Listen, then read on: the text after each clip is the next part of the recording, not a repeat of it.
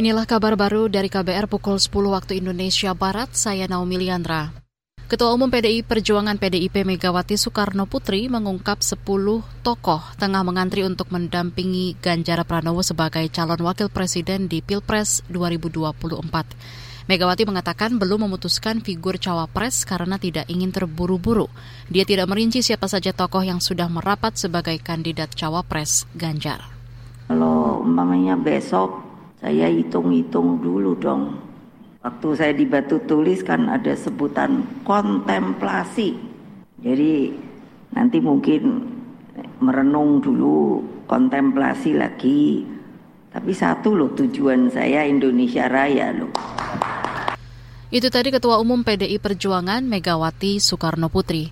Sebelumnya PDIP mengusung kadernya, Gubernur Jawa Tengah Ganjar Pranowo sebagai capres pada pemilu 2024. Dukungan terhadap Ganjar juga datang dari Partai Persatuan Pembangunan PPP, Partai Hati Nurani Rakyat atau Hanura, dan Partai Solidaritas Indonesia PSI. Saudara sejumlah bekas terpidana datangi KPU Rembang, Jawa Tengah menanyakan syarat pencalekan. Selengkapnya bersama Musyafa dari Radio R2B Rembang. Sejumlah mantan terpidana datang ke kantor Komisi Pemilihan Umum KPU Kabupaten Rembang untuk menanyakan apakah mereka bisa maju menjadi calon legislatif caleg atau tidak dalam pemilu 2024 mendatang. Komisioner KPU Kabupaten Rembang, Mozenal Arifin menjelaskan untuk mantan terpidana dibagi menjadi dua macam.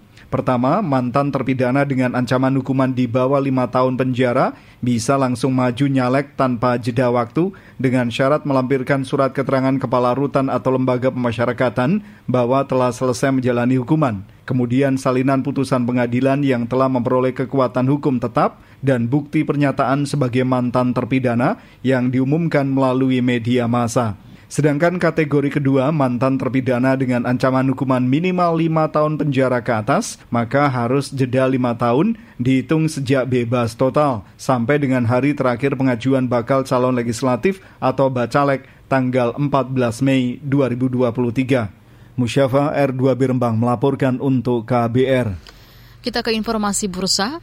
Indeks harga saham gabungan IHSG Bursa Efek Indonesia BEI pada Selasa pagi dibuka melemah menjelang laporan inflasi dalam negeri oleh Badan Pusat Statistik BPS hari ini.